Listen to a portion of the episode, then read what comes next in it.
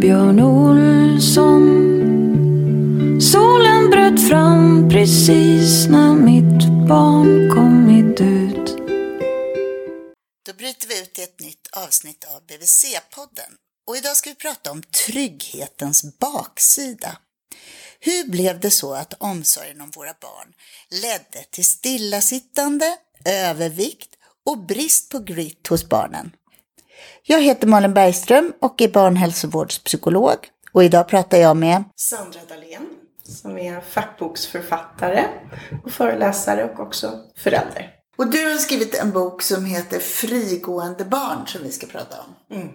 Och var kommer det här med frigående ifrån? Det handlar om att eh, barn idag är väldigt mycket inomhus, väldigt mycket hemma och väldigt nära sina föräldrar. Och eh, när jag har fördjupat mig i det här och tittat på vad handlar det här om, vad får det för konsekvenser? Så tänker jag att nej, barnen måste få bli frigående igen. Vi måste släppa ut dem att leka och leka med andra barn, inte bara med oss föräldrar. Och tror du att man som förälder känner sig träffad när du säger så? För jag tänker att man kanske inte, att man tänker ja men de får ju leka och vi ordnar det och vi Ja, precis. Jag, jag, tror kanske både och. För att jag tror att det här kanske handlar om en känslig punkt sådär. Jag tror att många av oss föräldrar idag tänker på att barnen är inne ganska mycket. Och jag tror många av oss funderar kring att barn inte som vår egen generation tog sig för lika mycket saker och var ute och sprang lika mycket som förut. Så på ett sätt tror jag att vi känner oss träffade och på ett annat sätt så känner jag att vi är ju en väldigt, ska vi säga, väldigt omsorgsfull föräldrageneration och vill fixa och dona för barnen hela tiden.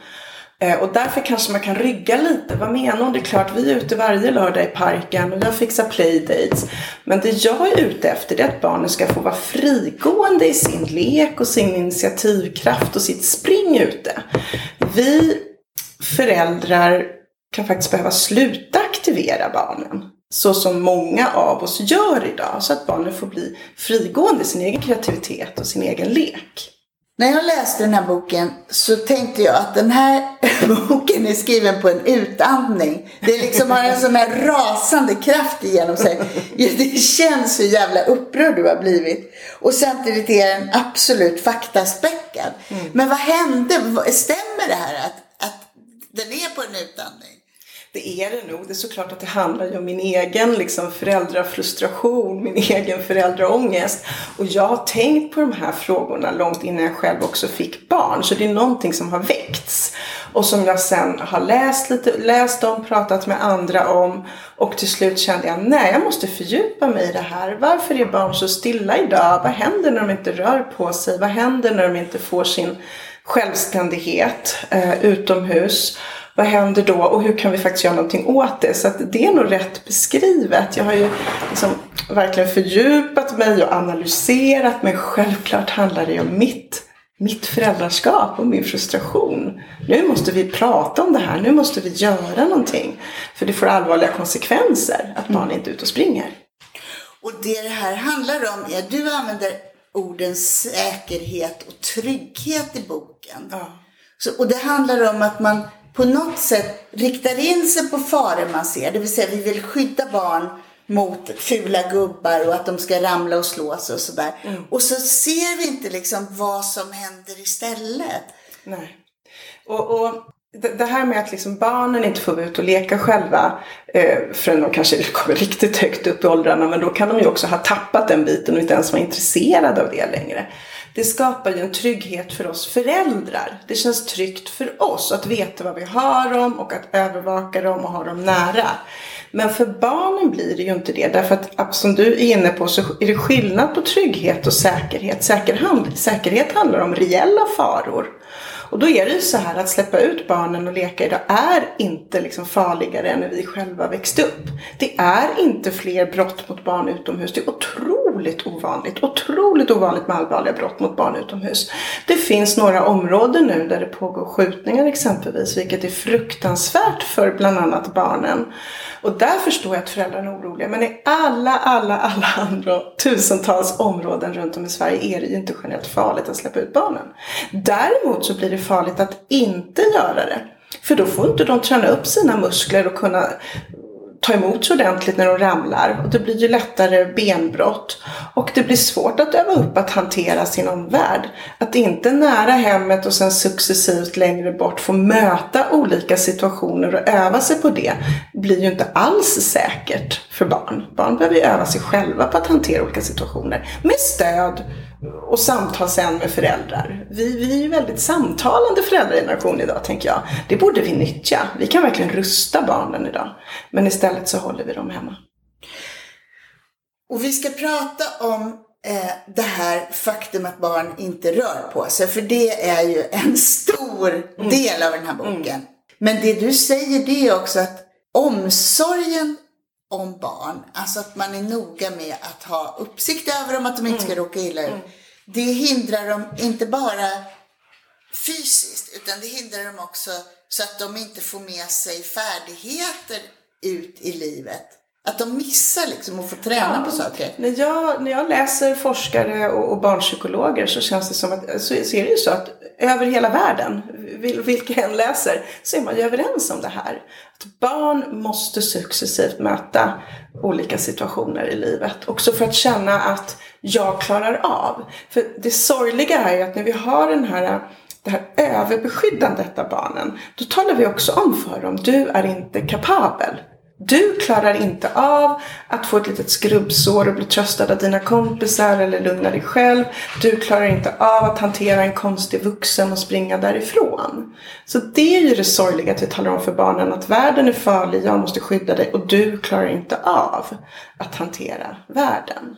Och det är så som jag som barnpsykolog när jag har jobbat med barn med ångest det där brukar vara lektion ett ja, du känner igen det här. Nej, men det är det man pratar om, vad rädsla och ångest är. Att, vi, att det handlar om att man försöker kontrollera något som man inte kan kontrollera och därför är acceptansen den grunden i att förhålla sig till sin egen ångest. Det handlar om att jag, världen kommer alltid vara skrämmande och jag måste stå ut med att leva i den världen. Och jag tänker att det gäller oss föräldrar också. För en del, alltså kärnan i föräldraskapet är ju verkligen att skydda sina barn.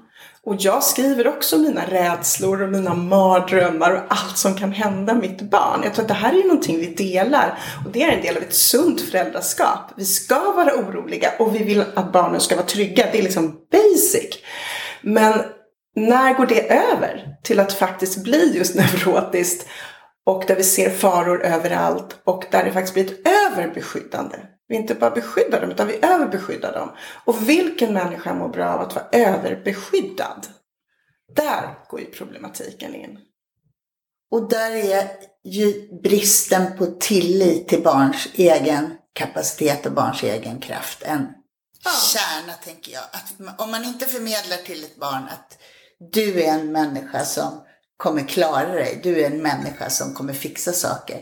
Då har man ju tagit ifrån någon från början ganska mycket av det som är vår gritt eller vår liksom drivkraft i livet. Ja, det är klart att vi förmedlar andra, säkert andra bitar i föräldraskapet där vi visar barnet att vi tror på det och att det kommer klara av. Men här finns det en stor del att vi inte, utanför hemmet, utanför skolans värld på något sätt. Där är det farligt, utomhus. Och där där klarar du inte av. Så jag måste vara nära dig eller någon annan vuxen. Och jag måste eskortera dig överallt. Det här eskorterandet av barn idag tycker jag är väldigt fascinerande. Men när man också läser forskning så ser man att det får konsekvenser. De eskorterande menar jag, jag tänker exempelvis på ett, ett kalas som, som jag var på i, i våras. Eh, mitt barn bor väldigt långt ifrån det kalaset så jag var verkligen tvungen att eskortera det barnet. Men alla andra barn bodde i området. Det var ett tioårskalas och alla barn blev eskorterade dit av en förälder. Det är också så här, varför kan inte en tioåring klockan fem på eftermiddagen, en vår eftermiddag, gå själv till ett kalas? Va, vad är det vi säger till våra barn? När barn inte får gå själva och anses kunna gå själva till kalas eller skola eller träning eller kompisar eller vad det nu är. Då kan de inte heller bilda de här lika lätt, de här barnkollektiven, de får inte lika lätt kompisar. För när de rör sig mer fritt då hakar de in i varann och börjar leka spontant. Och det händer inte när vi vuxna är med. Så det, det får ju olika konsekvenser det här med att de alltid ska vara så nära oss hela tiden.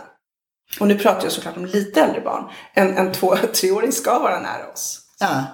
När jag lyssnar och läser, på, läser barnpsykologer så tänker jag att en fyraåring ska kunna vara nära, väldigt nära hemmet och leka ute själv med andra barn. Jag vet exempelvis att jag var det, min lilla syster var det. Eh, med en förälder som håller koll genom fönstret och, eller en öppen dörr. Och sen att man då successivt ska kunna vara längre och längre bort från, från hemmet. Rent fysiskt så är det ju så att vårt överbeskyddande av barn ihop med liksom samhällsförändringar, eh, välfärd och digitalisering och så gör att barnen är eh, väldigt stillasittande idag och rör sig väldigt lite. Och rekommendationen är ju från WHO och Folkhälsomyndigheten, de sätter ihop hela världens forskning så ser man att minst en timme svettig rörelse om dagen ska barn ha för att kunna bibehålla fysisk och psykisk hälsa. Och eh, de flesta barn får inte det. Helt enkelt. Så, så enkelt är det. Ehm, de flesta barn i Sverige idag får inte ens ett minimum av den rörelse de behöver. Och det handlar ju om grundläggande behov här som vi missar att tillgodose. Och jag, jag, vill bara nämna det så först. Och att det sorgliga är, och som jag känner som förälder, det är att forskningen visar att det är när de är med oss föräldrar som de faktiskt rör sig som minst. Förskola och skola är ganska okej. Okay. De, de, kan absolut bli bättre i skolan, men där rör de sig lite mer. Förskolan absolut mer. Det räcker inte bara. För att först ska ju barnen röra sig svettiga en timme om dagen och där vill jag också påpeka att tre dagar i veckan av de dagarna eh, ska det vara tyngre träning och gärna styrketräning och tungt flås och så vidare. Jag tänker styrketräning för barn, då är ju det att svinga sig i ställningar och lianer och åla i trånga utrymmen och släpa på tunga stenar och virke till att bygga en koja. Springa upp och ner, upp och ner, upp och ner. Idiotträna som de gör upp för släntar och sådär. Det är ju eh, styrketräning för barn. Mm. Så. Eh, och eh, ja, när inte barn får det här så påverkar det ju allt från stresskänslighet till sömn, det blir sämre sömn, färre sömntimmar och då är vi också inne på eh, lägre, sämre immunförsvar. Eh, och det handlar om psykisk ohälsa och sen så får ju barn idag allt mer våra vuxna så livsstilssjukdomar. Det ser vi nu kryper ner i åldrarna. Och, och, jag vill också nämna att för de barn som klarar sig igenom ganska bra barndom utan att röra särskilt mycket på sig, där vet vi att ganska tidig vuxen ålder smäller det till. Då har man jättehög känslighet för, för depression och hjärt-kärlsjukdomar och fetma och så vidare. För vi lägger grunden också under barndomen. Om barn deltar i aktiviteter som de rör på, så de går på någon simskola och någon mm. fotbollsträning och sådär. Mm. Hjälper det då? För det är ju ändå det man försöker göra idag, åtminstone ja. i medelklassen. Ja, för medelklassen oftast är det ju så att man anmäler barnen till ett par aktiviteter och skjutsar lite om det är tävlingar på helger och sådär. Och det där är jättebra aktiviteter, och, och men, men det ska liksom ses som ett komplement. Du, du kan inte anmäla ett barn till så pass mycket att den får sitt grundläggande behov av rörelse. Det, det, går inte. För för det första måste barnet då träna någonting en timme om dagen. Och tänk en träningstimme, då är det också uppställning och det är instruktioner och de är inte svettiga en timme. Men du måste alltså minst anmäla barnet till någon riktigt svettig träning då varje dag. Dessutom så visar ju forskning att övrig tid så ska man ju inte vara still. Utan övrig tid så ska man hålla på med någon form av vardagsrörelse, även barn. Eh, leka lite i en sandlåda eller liksom gå ut med hunden eller städa rummet eller leka med bilbana eller vad det nu kan vara. Så den här övrig tid ska inte vara helt stillasittande. Det funkar inte i kroppen heller. Så att anmäla barn till aktiviteter är absolut bra, men det är ju ett komplement. Någonting som är roligt, eh, viktigt, eh, kan vara för ett barn, bra sammanhang och tillför extra typ av, av träning. Så. Men absolut inte nödvändigt. Du måste inte anmäla ditt barn till en enda aktivitet. Och det ska ändå kunna få sitt grundläggande behov av rörelse tillgodosatt. Genom att bara vara ute och leka. För en poäng du hade, det var ju också hur att stillasittande över tid, att om jag sitter still i två timmar så räcker det för att påverka min kropp och eh, kanske även immunsystemet negativt. Ja, till och med, ja absolut. Eh, och det finns ju de som menar en timme, sen är det två. Eh, och nu har man ju börjat titta på det här på barn också. Eh, man har exempelvis satt barn i, i saccosäckar då och så jämfört två grupper, saccosäckar framför skärm. Och då har man jämfört grupper där man liksom bryter efter en timme alltså och så får de cykla. Medan den andra gruppen har suttit ett par tre timmar i sträck. Och så tittar man på kärlen och då kan man se de som sitter stilla i, i några timmar, alltså hur kärlen verkligen har hunnit dra ihop sig. Sen är det ju så att när ett barn då börjar röra på sig igen kan det ju vidga sig igen. Men om man tänker att det här pågår hela tiden. Det påverkar kroppen så snabbt och ger verkligen så sämre förutsättningar. Det här liksom mer långvariga stillasittandet. Sen är det så att barns kroppar är lite sega på det sättet. De är nya, de är fräscha. Det tar längre tid innan de bryts ner. Men vi ska veta att de bryts ner. Så. En annan grej som jag tyckte var spännande det var hur vi ser på barns kapacitet. Och det där dockade in i något samtal som jag hade med någon förälder förra veckan kring Ja, men alltså att vi kan också ha en känsla av att det är farligt för barn att utsättas för hårda mm. fysiska prövningar. Att man ser inte kroppen som jord. Och du har något exempel med någon fjällvandring mm. när du ser några ungar som, mm. och blir liksom så fascinerad över vad unga faktiskt kan. Ja.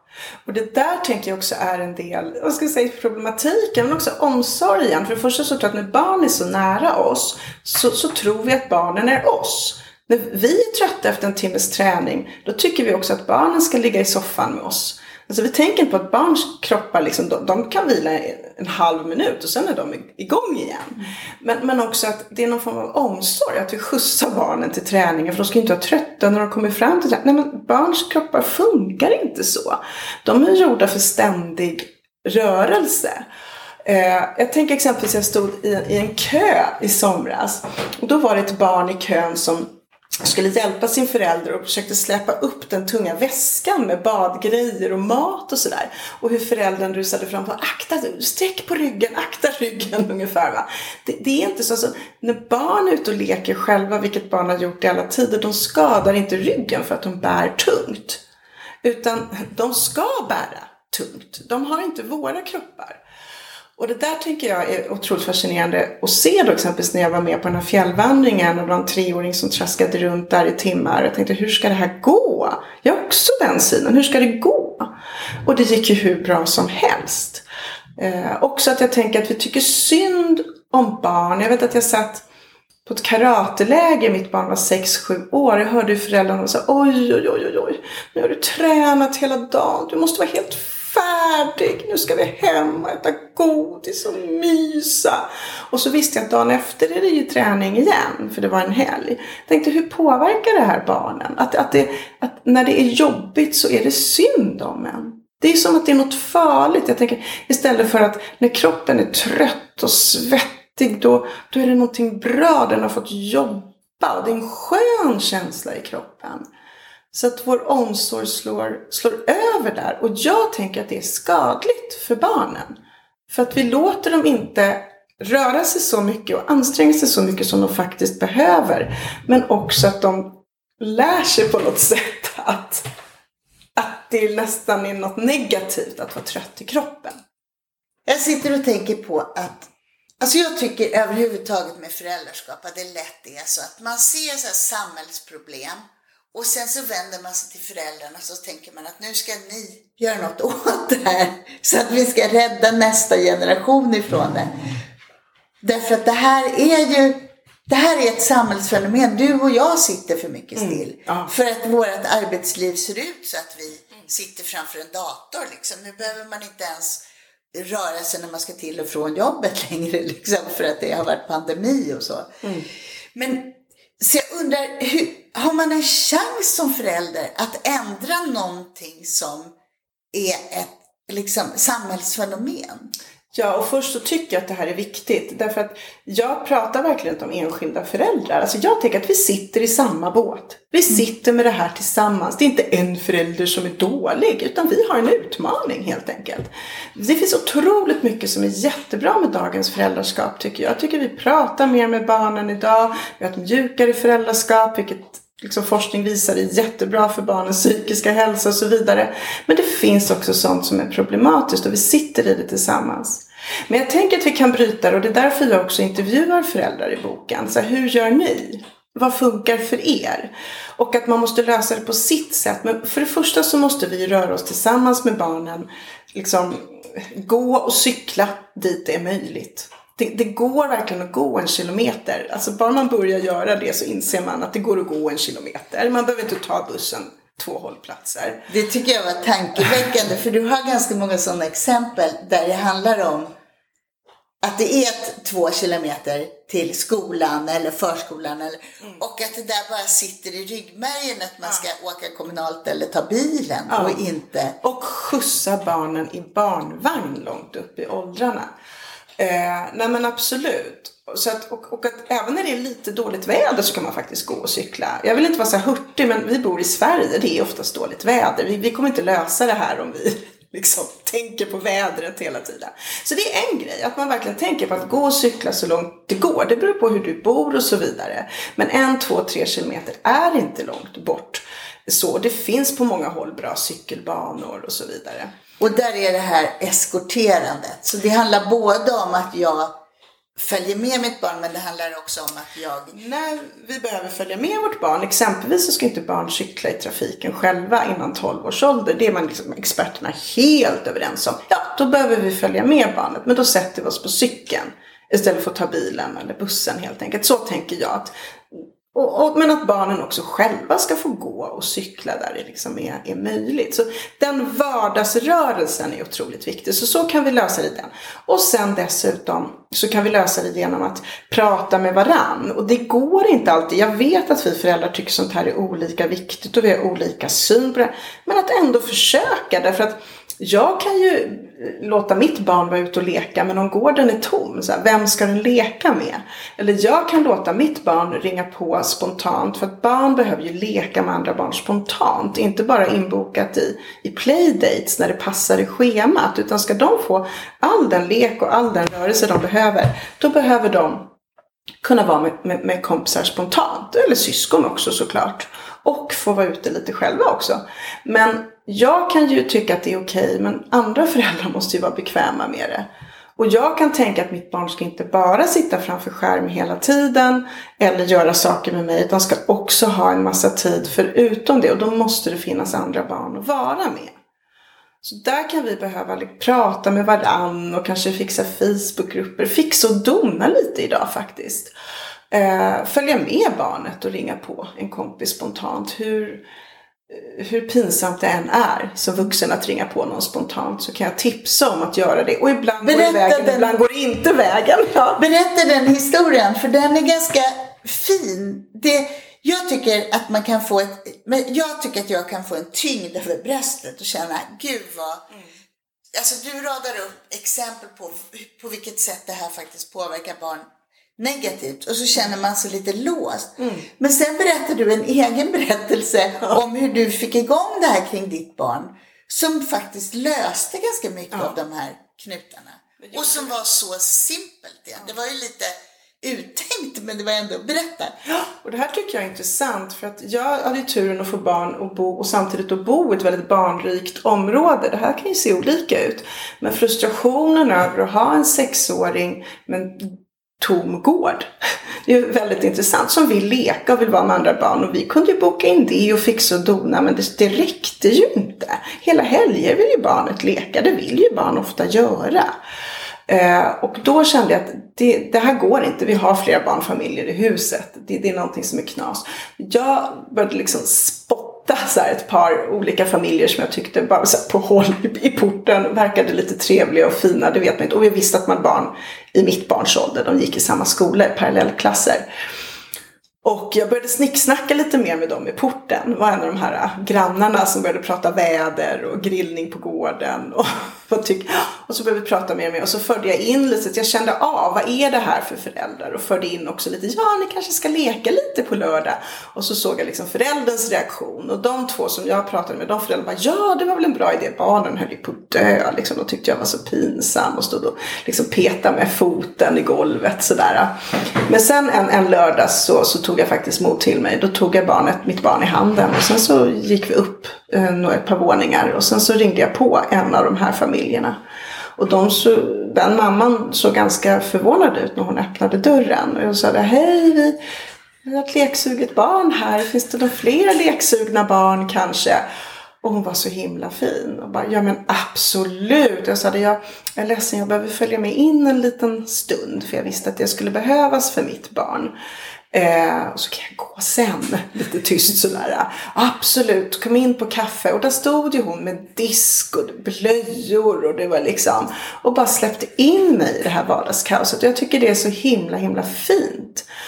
Och sen gick det där bra och då gjorde jag samma sak med nästa familj och det gick också bra. Och det, och det som det ledde till det är att de här barnen började ringa på varann. Det började ringa på dörren. Klockan åtta ibland redan på lördag morgon. Det får man ju stå ut med då. Eh, det började ringa på dörren och de började springa runt i porten och ut och in på gården. Och sen så kom det tillkom det fler ungar för de kände ju den ungen som kände den. Och det här förändrade ju verkligen mitt barns liv men också oss som vuxnas liv. Att vi fanns där och vi fortsatte göra saker med vårt barn och vi umgås. Men nu fick ju han den liksom tiden och leken och friheten. Den här känslan av frihet och vi kunde hjälpas åt vi föräldrar. Hålla lite koll och var är de nu och, och sådär va. Men också nu, för det här var ju några år sedan. Nu hjälps vi ju åt med att, att kasta ut dem när de har suttit länge med skärmar. Absolut ska de sitta med sina skärmar men när de har suttit ett bra tag då hjälps vi liksom åt att, att säga nej men nu är det dags för någonting annat och sådär. Så det där enkelt och läskigt sätt som fungerade i mitt fall. Och det jobbiga i det där som man ju kan känna in på bara huden, det är det här när man ringer på någon man inte känner och föreslår att man ska få komma in. Ja, det är klart att det, var... det är ett jättesteg att ta. Det var inte roligt. Alltså den hjärtklappningen och handsvetten. Jag brukar inte få handsvett. Men jag, hade, jag vet, jag känner fortfarande hur jag hade handsvett då. För det handlar om att bryta normer. Det är en så stark norm hur vi ska förhålla oss till varandra. Och, och, och, och risken är ju att bli den här galna föräldern. Som är gränslös. Men jag kände, det, det handlar, jag får ta den risken. Eh, helt enkelt. Och jag tror att det här är någonting som vi föräldrar också måste rannsaka oss. För att hur kul är det att ha den här femåringen på gården som jättenöjd och ute på gården och leka själv och jätteglad. Men alla föräldrar ser att den här femåringen är själv på gården. Vad gör det med mig som förälder? Och, och det här tänker jag vi måste erkänna för oss själva. Kanske inte alla ni fina föräldrar som lyssnar, men jag tror att många kan känna igen sig i det här. Att vi gör, vi vill våra barn absolut bäst. Men vi vill ju inte heller göra bort oss och bli sedda som dåliga föräldrar. Det här tycker jag själv är jobbigt. Det Men, måste jag erkänna, det är jobbigt för det handlar om att bryta normer för hur man ska vara en bra förälder idag. Men det intressanta är ju normerna. Att om man, när man petar på en norm så här, att det är att det är ett normbrott att ringa plinga på hos en granne och fråga om man får komma in och leka. Att det är liksom gränslöst. Att man att man tränger sig på, att man mm. liksom att man inte planerar, att man inte stämmer av, att det där är mm. okänsligt. Mm. När det egentligen är det som krävs för att barn ska komma igång med mm. varandra. Mm. För att om barn inte får plinga på varandra spontant, då har man ju, då sabbar man ju det här i det som man vill ska komma till, leken. Ja, barn behöver lust tid, kreativitet. Vi kan absolut boka in någon playdate här och där med kompisar som de vill träffa extra eller som bor långt bort och så vidare. Jättefint. Men i vardagen så behöver barn följa sin lust. Eh, och behöver den här tiden, känna efter, vad vill jag göra? Jag vill träffa den liksom. Och barn behöver verkligen det utrymmet att spontant haka i varandra. Det är så otroligt viktigt. Och att barn behöver ju också mycket lek. Och mycket lek bortom spel. Alltså spel räcker inte som lek. Barn behöver leka med varandra på andra sätt också. eh, i rolllekar och fysiska lekar och behöver liksom slita i varandra och jaga varandra och, och, och ha fantasilekar där hela kroppen används. Och det räcker inte då med en playdate i veckan och så kanske lite i skolan eller förskolan. Barn har leken i sig spontant och behöver mycket lek. Också för att bearbeta skoldagen. För att koppla av från skol och förskola. Alltså, när barn kommer in i sånt här lekflow, då är det som meditation. Det är deras stress, avstressning, avkoppling för hjärnan. Så barn behöver mycket tid att utveckla leken så pass mycket att, att de kommer in i det här flowet. Och då kan man behöva träffa kompisar spontant, man kan behöva vara ute för att få det utrymmet. Och det går inte att planera in allting för barn. Jag tyckte det var otroligt fascinerande att läsa lekforskning och komma in på det här med djup lek. Jag blev otroligt rörd. Det hände någonting i hela mig liksom, som människa och förälder när jag läste om djup lek. Eh, därför att man känner ju igen det. När barnen, det går inte att nå dem. Du kan inte få in dem för kvällen. Och om de är några stycken, de är som ett kollektiv, en egen organism. Och liksom de, har, de hamnar i något flow till och med med varandra. Först så är de i en annan värld. Men de kan också säga alla rör sig exakt samtidigt i ett kast åt höger. De har inte lyckats lösa det här. Hur gör de det här? De är inne i sånt intensivt flow helt enkelt. Och det sorgliga är, tror jag, det är att när vi planerar in deras liv med mycket aktiviteter och även fina saker måste, liksom i familjen. Vi ska ju umgås i familjen men det blir mycket inplanerad tid och övrig tid skärmar. Eh, då finns inte lika mycket tid att träffa fler barn, att utveckla leken, för det tar tid att utveckla leken tills de kommer in i det här flowet. Du ska komma överens om lek, du ska lösa lite konflikter, den ska utvecklas, i mitten kan den behöva utvecklas igen för att komma in i den här fantastiska djupa leken som är meditation. Så det tyckte jag, ja det var lite sorgligt när jag insåg att hur mycket sån tid får de flesta barn av det idag? Och jag säger de flesta barn. Eh, för det är verkligen någonting de behöver. Och, och inte minst för, för eh, stressreducering. Eh, och nu säger du stressreducering. Vad finns det mer för vinster med det där? Vinsten är ju också att de rör sig och de rör sig mycket och de rör sig länge. Och när barn leker med andra barn då rör de sig mycket mer intensivt än när vi vuxna är med. För när vi vuxna är med då då har vi en omsorg om barnen såklart som kan slå över. Då blir det lätt så här att du klättrar inte där. Och, och var försiktig nu så du inte snubblar. Och slit inte varandras kläder. Och, och är det, vad, vad, är det här för brottning? Är, är det bråk eller är, är, det lek? Så, va? Vi är inne och petar i deras lek väldigt mycket. Eh, och som av omsorg. Men det, det gör att barnen leker inte lika fysiskt. Och sen tänker jag också att det har att göra med att man inte får den där fördjupningen. För man får alltså, inte den där fördjupningen. För man måste över en massa hinder innan man kommer dit ja. och det kan inbegripa brottning. När barn, precis, och när barn leker med andra barn då blir det, för många barn, inte alla, för de flesta barn blir det alltså mer tjoigt. Det, det inbegriper också små konflikter som ska lösas. Eh, och det kanske inbegriper en del fysiska saker, lite brottning och lite slita i varann och testa vad som händer. Om jag kullar lite hårt här nu, liksom, är det en knuff eller är det kull? Där de lär sig sociala koder och lär sig. Men, men när vi vuxna är med, då får de inte alltid de, de utmaningarna. Utan då är vi där och hjälper till och styr upp och, och, och löser och sådär. Eh, och just också se, råkar göra så att de inte får det lika fysiskt utmanande men också inte lika länge då. Barn kan ju behöva lång tid för att komma in i den här djupa leken. Eh, och jag tror att många av oss att vi känner igen oss i det här att precis när barnen kommer in i något lekflow i lekparken då tycker vi att det är dags och gå hem. Så jag brukar säga det, ta alltid med dig liksom tidning, bok, podd, termos till lekparken. Så att du kan sitta där länge om det är en ålder där du behöver vara med. Eller det är långt bort. Man kan ju ha tagit barnen till någon favoritlekpark långt bort med ett par andra barn. Men att man har med sig just för att de ska få den här tiden. Jag tycker det finns en paradox. Jag tycker att du pekar på det som jag verkligen tror är det grundläggande, den grundläggande baksidan i dagens barndom och i dagens föräldraskap. Och jag tycker att du visar liksom bäringen både på vad som händer med barns kroppar men också på barns eh, psyke. Mm. Inte bara därför att psykisk hälsa handlar om att jag rör min kropp och använder min kropp. Utan det handlar också om att uppnå självständighet, få självtillit, att, eh, att erfara saker i tillräcklig utsträckning för att jag ska ha med mig det in i mitt vuxenliv. Att jag känner att jag fixar grejer, att jag vågar, att jag har gått på nitar och har rest mig igen och mm. sådär. Och jag tänker att det som är fint med dagens föräldraskap, att vi har ett ganska generellt närmare föräldraskap idag än tidigare generationer. Vi pratar mer med barnen, vi lär verkligen känna barnen, vi känner in dem på ett annat sätt. Det tänker jag att vi verkligen ska nyttja i det här.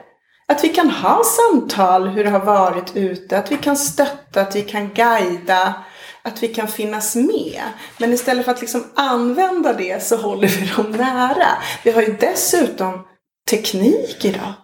Alltså mindre barn kan ju ha klockor, man kan köpa second hand. Om man har råd så kan man köpa en second hand sån där telefonklocka. Där man faktiskt kan ha kontakt med barnen och de kan också kontakta en. Och ganska tidigt idag har barn telefoner. Att vi nyttjar det. Jag menar inte att vi ska ringa dem en gång i halvtimmen för då stör vi dem i sin lek. Men de kan ju verkligen nå oss om det blir tillräckligt besvärligt. Eh, men, men, men vi hamnar i någon återvändsgränd där vi bryr oss jättemycket om barnen men det slår över så att det faktiskt inte blir så bra för dem alla gånger. Och lösningen på det här som du säger, det är att jag som förälder tar det här steget och bryter normer och blir obekväm och säger hej, kan vi få komma in och leka? Jag behöver tyvärr vara med en stund. Hej, kan vi få komma in och leka? Men också om vi är på väg hem då. Säg att vi är på väg hem med en sexåring. Och så ser, går vi förbi en lekplats eller en, en, en, en, eh, ska vi säga, lerig slänt. Det gillar ju barn. Leriga släntar. Och så säger ungen att eh, du, kan vi inte stanna här och leka? Då tror jag att många av oss instinktivt säger, vet du vad, nej men det har vi inte tid med nu för jag måste hem och sätta igång med middagen. Jag tänker att vi också ska våga säga, ja men du, jag ser till andra barn här, du, lek här en stund. Jag kommer att hämta dig sen, för det kanske är en väg man inte vill att barnet ska gå. Jag kommer att hämta dig en stund. När jag satt på potatisen och slängt in i ugnen så kommer jag att hämta dig. Jag tror att det är det också, den här inställningen, den här vardagsinställningen eh, som vi kan ändra. Bara mindset så tror jag att det händer väldigt mycket. Att det normala för barn är att leka spontant och att vara ute mycket. Då tror jag att någonting händer faktiskt. Men att vi också kan behöva som sagt, ja, rygga på oss andra föräldrar, ta snack med andra. Men det är inte alltid det går. Det beror på vilka, ja, vilka vi är och vilka vi har runt omkring oss. Men vi kan göra de här små sakerna tror jag som förändrar. Och framförallt skapa tid. Det tror jag är jätteviktigt. Det tycker jag är tydligt när jag läser barnpsykologer. Skapa tid för barnen. Bortom skärmar, bortom familjemys och bakning, bortom museibesök och shopping och roliga lekland. Allt det där kan behövas i livet, men det måste finnas en massa tid förutom det som inte är inplanerat. Där ett barn bara får känna att gå runt och bara, ah, vad ska jag göra nu liksom? Vad händer nu? Vad händer i mig? Vad känner jag för att göra? Och där man då som förälder backar och inte är med? Backar och inte är med. Och vågar och har den tilliten till barnet att den kommer att hitta på någonting. Den, den, den, kom, den kommer att göra det. Men då gäller det att jag tillåter barnet att hitta på någonting. Att man får stöka och stoja hemma. Att det får bli lite stökigt. Eller att barnet faktiskt får gå ut och leka. Får kontakta en kompis spontant. Får eh, dra fram cykeln fast vi inte har gjort det än för, för året och den står längst in så vi måste hjälpa till. Får dra fram eh, en bilbana fast vi snart ska sätta oss och äta och, och dra igång. Alltså, det, det tänker jag också att utrymme för barn att leka inte bara tid utan utrymme i vårt mindset. Att man faktiskt får hitta på saker och ting spontant. Du ger också lite tips i boken på länkar där man kan mm. läsa mer och där man kan liksom få kontakt kanske med andra och så vidare. Få lite mer inspiration kring det där. Mm. Jag tänker att vi kan länka till det i det här avsnittet. Ja, gör det. Och för det här tycker jag är intressant. Det här är ju en internationellt stor fråga. Jag har suttit också och tittat på liksom, internationella konferenser där läkare och forskare pratar om de här frågorna. Men också att det finns rörelser internationellt, exempelvis både i, i Storbritannien Storbritannien och i USA som just handlar om det här. Är det något jag har missat att fråga Sandra? Nej. Då säger jag tack till dig Sandra Dahlén och så bryter vi ut från det här avsnittet. Tack så hemskt mycket.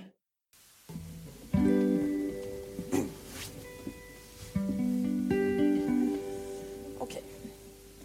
Okay.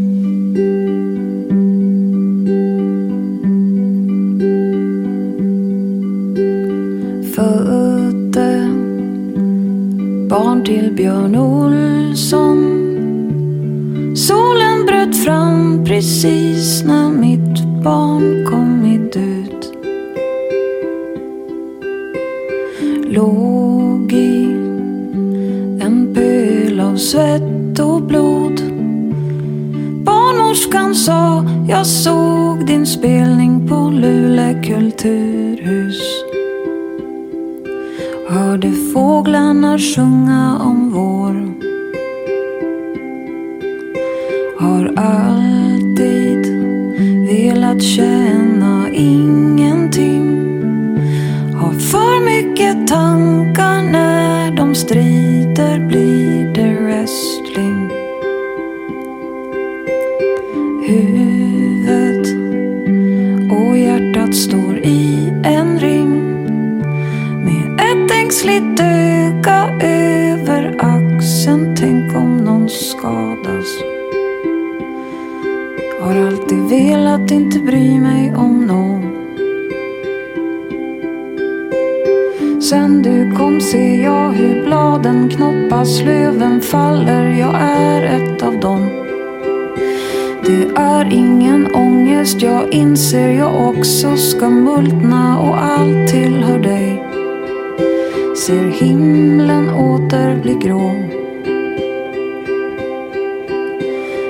bry mig